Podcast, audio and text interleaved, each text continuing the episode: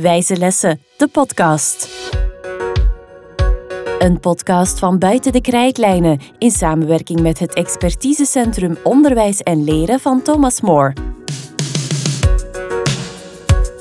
Aflevering 2. Activeer relevante voorkennis. Hallo en welkom bij de Wijze Lessen podcast. In 14 afleveringen brengen wij jou 12 didactische bouwstenen bij om je lessen beter en effectiever te maken. Mijn vaste gast in deze podcast is Tim Surma, de managing director van het expertisecentrum Onderwijs en de Leren van Thomas More en een van de auteurs van het boek Wijze Lessen. Dag Tim.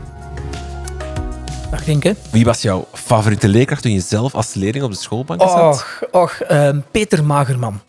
En deed hij alle bouwstenen van, de, van Wijze Lessen? Eh, dat weet ik eigenlijk niet. Ehm, ik, ik, Peter Magerman was eh, leraar geschiedenis, die zeker en vast aan veel van die bouwstenen eh, voldeed. Eh, bijvoorbeeld omdat hij als, als leerkracht geschiedenis, die lepelde ons een wereldse wijsheid aan geschiedenis in op zo'n engagerende manier. Ehm, dat hij eigenlijk de, de inspirator voor mij destijds geweest is om ook in het onderwijs te stappen. Dus de manier hoe dat die, dat die inhoud wou, van zijn, zijn vak wou overbrengen naar, eh, naar, naar de klassen, dat was werkelijk eh, fenomenaal. En ik weet dat heel veel van mijn klasgenoten destijds dat ook vonden.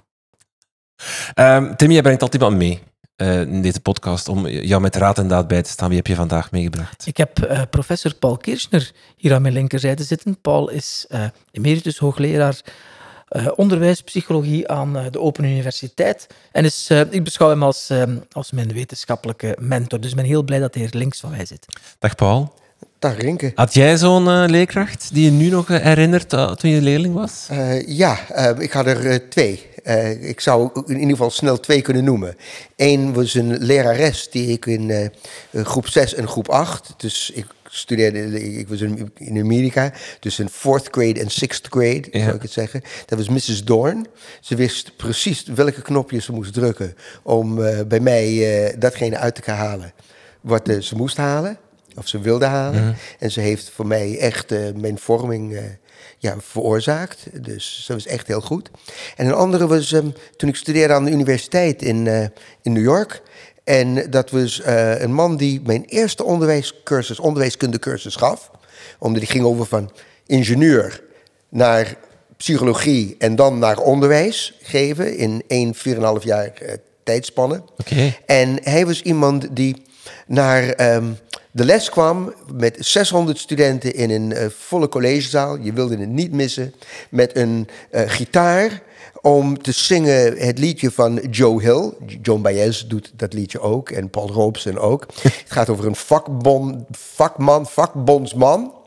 Eh, en om ons te leren van ehm, wat is de vakbond, wat is de betekenis van vakbond voor het onderwijs in Amerika en de ontwikkeling daarvan. En ik dacht van, als zo'n man zo een 600 mensen kan boeien en zorgen dat er die mensen komen en in de zaal zitten, het was geen zins leeg. Ik denk van, nou, dat is een docent die, die, die, die, die, die is echt een topper. Oké. Eh, we zitten in aflevering 2. Dat wil zeggen dat we de eerste bouwsteen gaan aansnijden. En dat is de activeer relevante voorkennisbouwsteen, om het zo even te noemen. Wat verstaan we daaronder? Wel, het activeren van relevante voorkennis zou je eigenlijk moeten zien als een, eh, een inzicht dat een leerkracht meeneemt bij de start van een les of een lesreeks.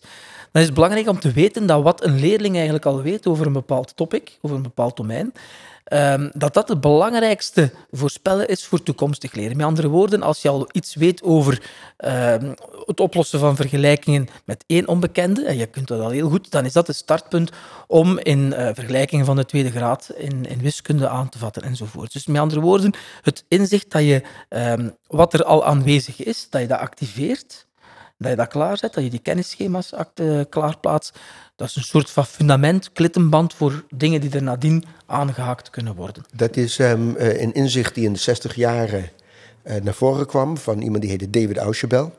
Hij praatte over subsumptietheorie en, en, en advanced, advanced, niet advanced, advanced organizers. En wat hij zei is, de belangrijkste factor voor het leren van nieuwe dingen is wat je al weet. Dan heb je een kapstok om dat nieuwe aan op te hangen. En hij eh, gaf ons ook manieren om te zorgen dat dat voor elkaar, voor elkaar kwam. Toen ik ehm, eh, promoveerde, sprak ik het over van wat je weet bepaalt wat je ziet en niet andersom. Als je een deur open staat en je loopt langs en je ziet wat borrelende glas en water en, en, en, en, vocht en weet ik veel wat. Als je niks weet van scheikunde, heb je het idee dat je in een Frankenstein-film terecht bent gekomen. Um, als je iets op de middelbare school hebt gehad van scheikunde en echt geleerd en dus weet waardoor, zie je van, oh, ze zijn iets aan het destilleren. En als je een scheikundige bent, dan kan je zien aan de temperatuur van, de van het waterbad dat ze waarschijnlijk een, een uh, ethanol in plaats van methanol aan het uh, uh, destilleren zijn uit een oplossing, omdat je kan het aan de temperatuur zien. Dus wat je weet bepaalt wat je ziet en niet andersom. En dat is de basis. En daarbij is het ook belangrijk, Rinke, deze bouwsteen, die ehm, geeft eigenlijk ook, of geeft vooral, vind ik, aan, aan leerkrachten ook de boodschap mee, de inhoud die je in je les geeft, is toekomstige voorkennis ook. Dus met andere woorden, als jij een biologiedocent bent en je spreekt over anatomie in je les, dan weet je dat dat, hetgeen dat je op dat moment aan het geven bent, dat dat dus superbelangrijk is voor toekomstig leren. Dat is de toekomstige voorkennis ook. Mhm. Dus met andere woorden, het concept vakinhoud, dat dat altijd extreem belangrijk blijft. Dus het, het domein waarin dat je geeft, dat, dat is de, de, de kern echt van, van ons onderwijs. Dat kan je niet activeren als het er niet is. Hè. Dus activeer voorkennis is ook geen trucje dat je kunt toepassen, want voorkennis die er niet is, kan je niet activeren. Misconcepties die er zijn, die hinderen zelfs het leren. Hè. Dus als je, vandaar het, het belang van goed domeingericht, um, inhoudsrijk onderwijs dat is eigenlijk zo wat het pleidooi dat je in dat eerste hoofdstuk ook moet, uh, moet lezen. Wat je vaak ziet is dat uh, we hebben maandag iets behandeld. Laten we zeggen uh, pointillisme of de schilder. Stijl, stijl is dat, waar je allemaal met puntjes ja. werkt. En als je van een afstand bent, dan zie je het als één geheel. Um, en je gaat over naar de volgende dag, orde van de dag, fauvisme of weet ik veel wat. Ja? En dan begint men gewoon met een nieuwe onderwerp. Ja. Wat je ook zou kunnen doen is zeggen van, nou, wat hebben we gisteren geleerd? Ja? Wat, je, wat je nodig hebt voor vandaag, zodat je op een welbedacht manier, goed beslagen ten ijs, zou je kunnen zeggen, komt bij het leren van het nieuwe. En het is een heel simpel iets wat je kan doen. Allerlei verschillende manieren om dat te doen. Je hoeft niet eh, op dit moment op de techniek in te gaan.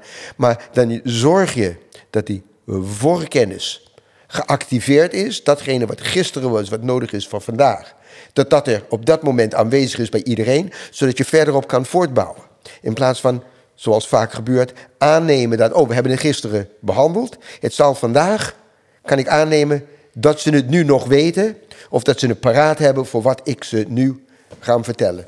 Heel simpel, maar dat is iets wat je kan doen om te zorgen dat de voorkennis ja, paraat is. Ja, ik, uh, ik herinner mij nog heel goed toen ik uh, bijna twee decennia geleden mijn eigen lerarenopleiding uh, volgde.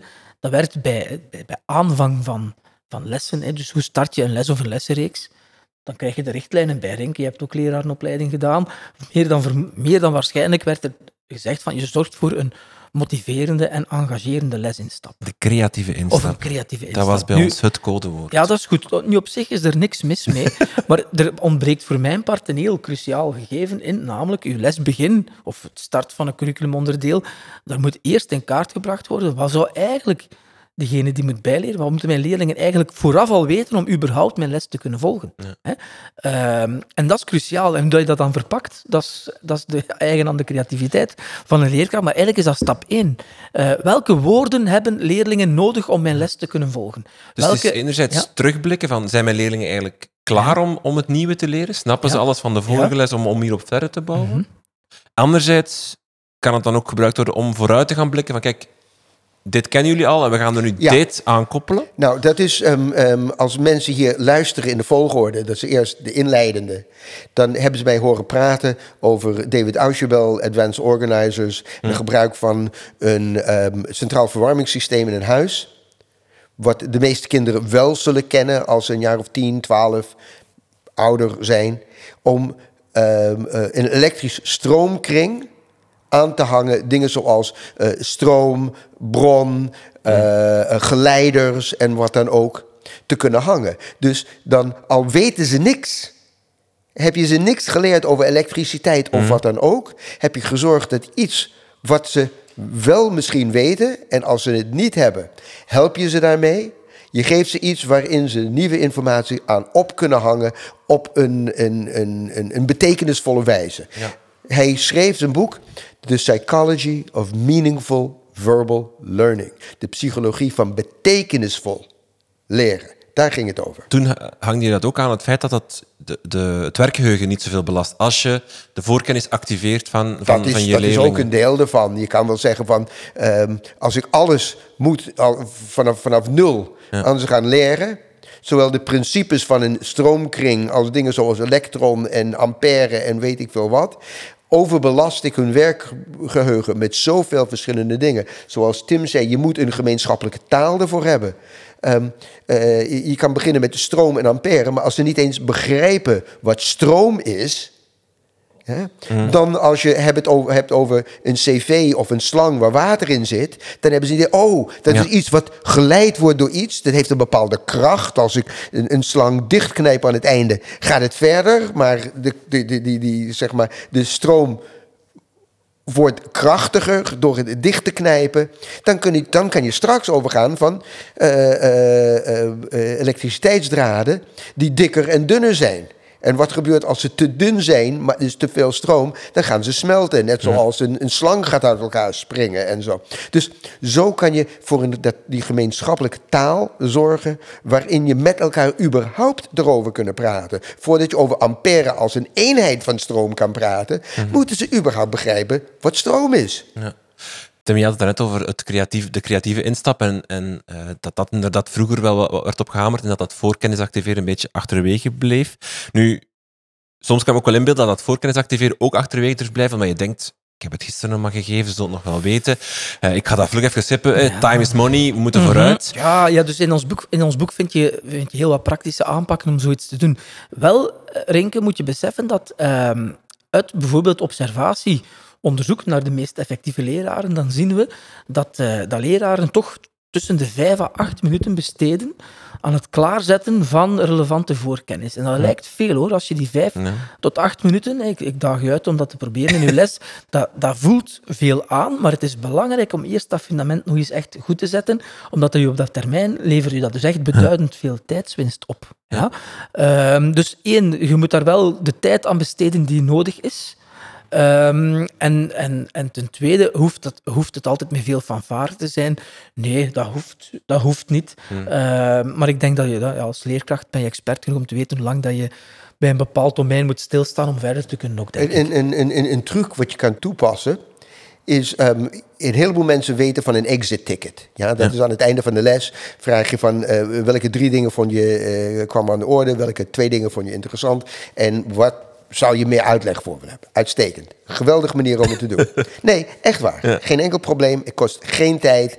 En je hebt meteen als docent een idee van hoe ging je les? Ehm, wat hebben ze wel begrepen, wat hebben ze niet begrepen? En dan weet je de volgende dag waar je aandacht aan zou kunnen besteden. Maar je kan ook met een entry ticket gaan werken. Ja? Waarin je vraagt eh, over bepaalde dingen die noodzakelijk zijn voor vandaag. Vul het in of zet het op je wisbord en hou het omhoog of wat dan ook. En dan zie je meteen, wat is er blijven kleven? Waar hoef ik niet op in te gaan? Wat betreft voorkennis. Punt 1. Je hebt het geactiveerd om het überhaupt te vragen. Aan de antwoorden kan je heel snel in één oogopslag zien. Van wat zit er wel in en wat zit er niet. En dan kan je zeggen van oké, er zijn twee andere dingen die ik wel aan ze uitgelegd heb. Die belangrijk zijn. Maar blijkbaar met die wisboordjes kwamen niet aan de orde. Die moet ik even nu eerst een beetje aandacht aan besteden. Om, voordat ik begin met iets nieuws. Hoeveel tijd heeft dat gekost?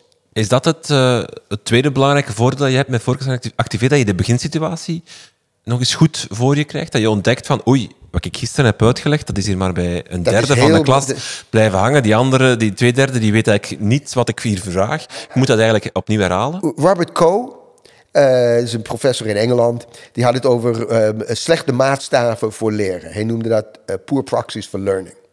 En een van die poor proxies, slechte maatstaven, is: we hebben het al behandeld. Dus uit te gaan van: we hebben het al behandeld, dus het zal erin zitten.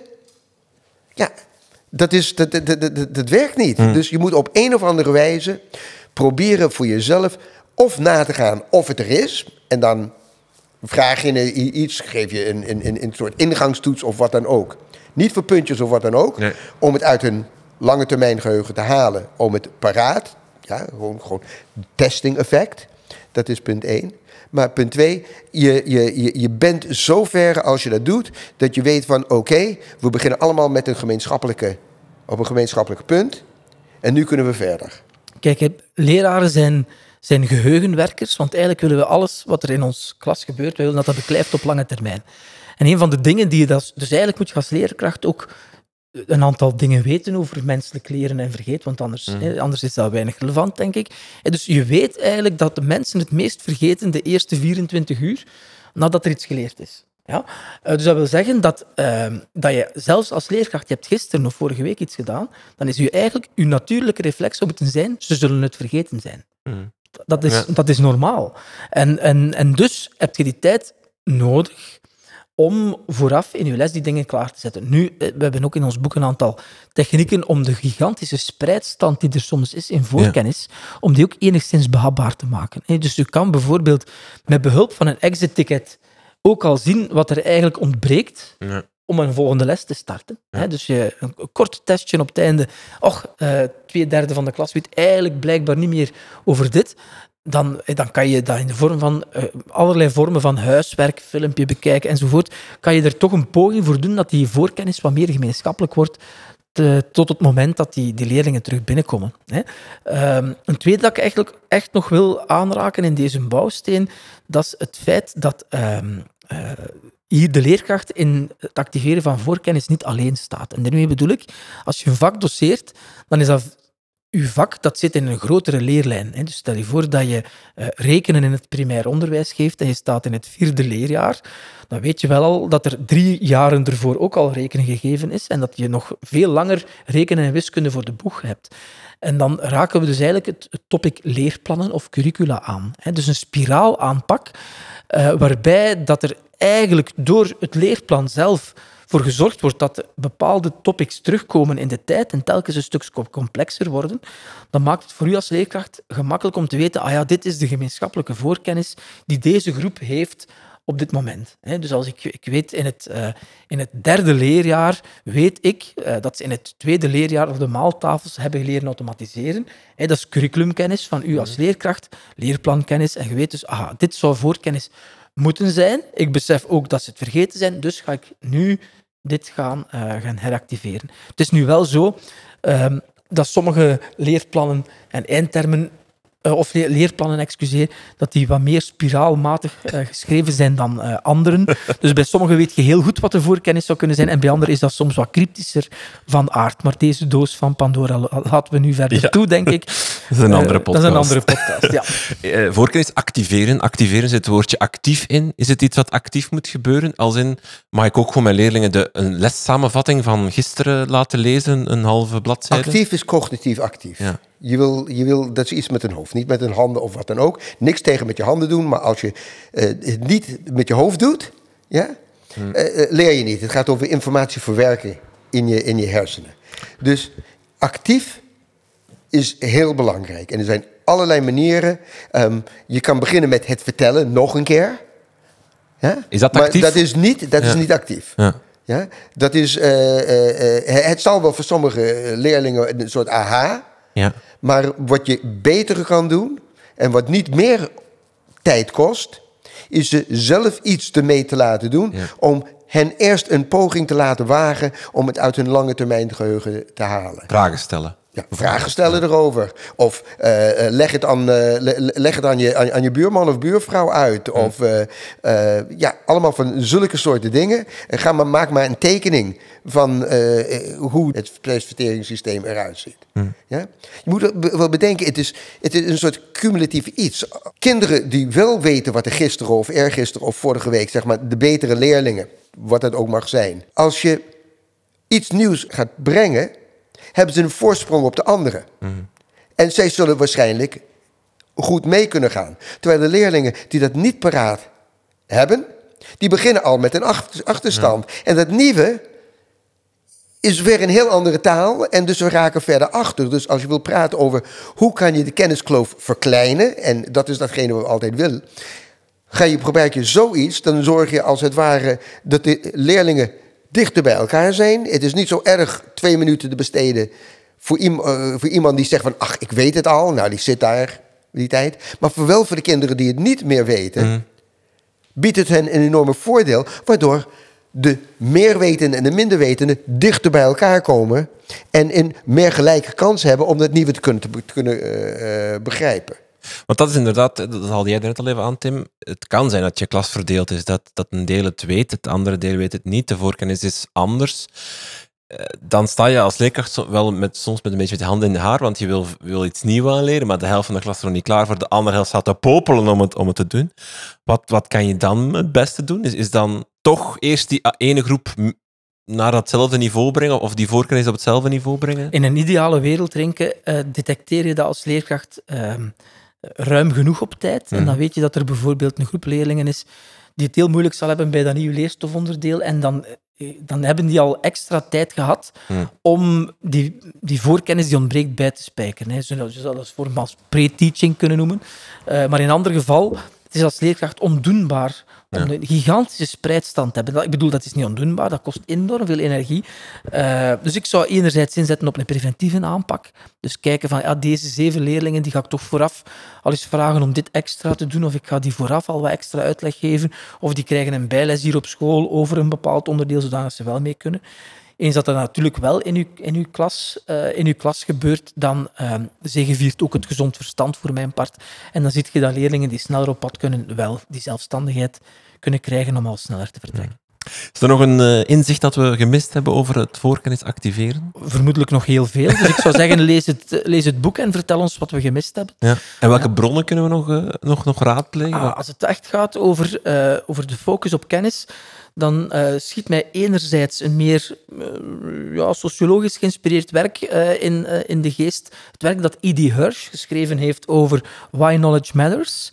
Ehm, dat geeft een heel schoon inzicht in, ehm, niet op het niveau van de les, maar wel op het niveau van het curriculum. Waarom is kennis nog belangrijk? En hoe belangrijker dat we eh, voorkennis en kennis dus inschatten, hoe gemakkelijker dat het voor ons wordt als leerkracht om ons onderwijs weer te geven. Dus dat is een eerste bron. En een tweede bron die ik zou willen suggereren is het werk van Daniel Willingham, die een boek geschreven heeft, eh, Why Don't Students Like School?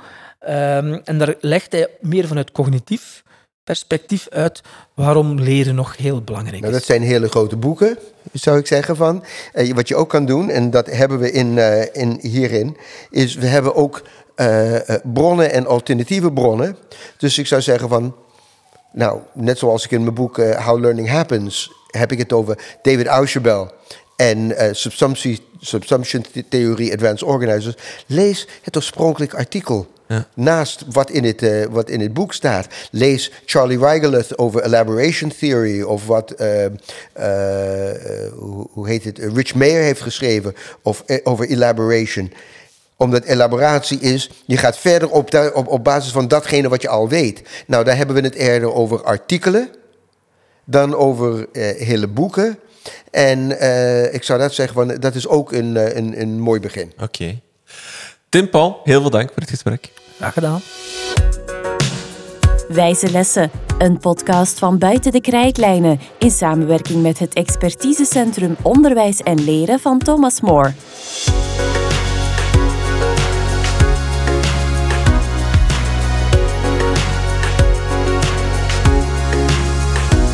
Wil je meer weten over wijze lessen en deze podcast? Surf dan naar www.dekrijtlijnen.be.